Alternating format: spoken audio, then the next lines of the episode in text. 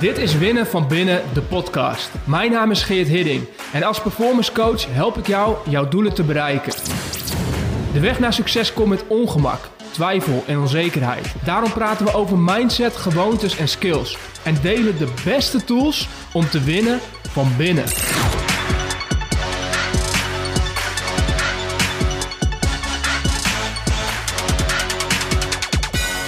Ken je dat gevoel dat de tijd voorbij vliegt? Dat je volledig opgaat in de taak van het moment.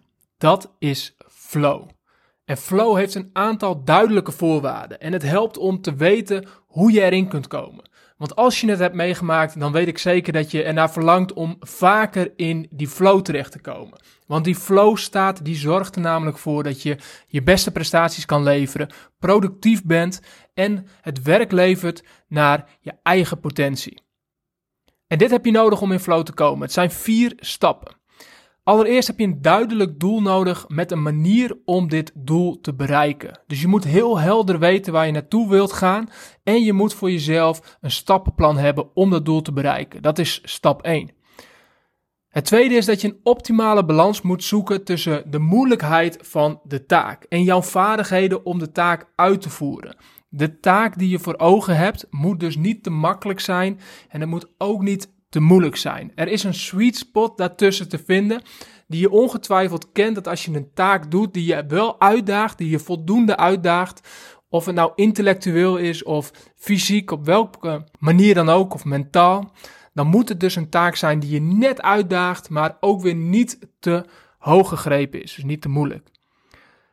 Dat is het tweede. Het derde is dat je directe feedback moet krijgen op je prestaties. Dus je moet heel snel feedback krijgen op of je het goed doet of slecht doet, zodat je direct kunt aanpassen. Als dat het geval is, dan draagt dat dus bij aan de flow staat. Dus feedback, zo snel mogelijk op dat wat je aan het doen bent.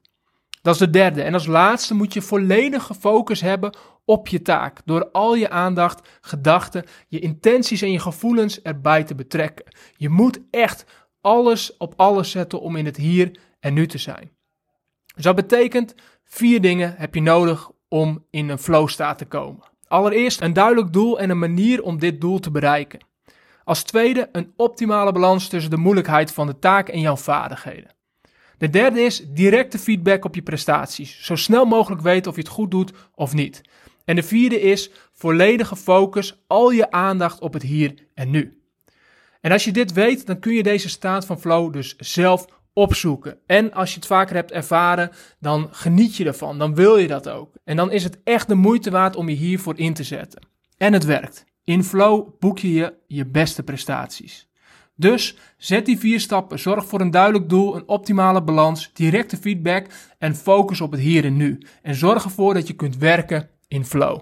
Succes!